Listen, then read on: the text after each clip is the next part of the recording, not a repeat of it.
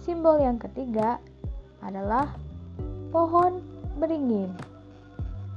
Merupakan lambang sila ketiga Pancasila yang berbunyi Persatuan Indonesia yang memiliki arti walau seribu pulau memisah Nusantara, namun kita tetap satu, satu bangsa, satu negara. Begitu ya anak-anak.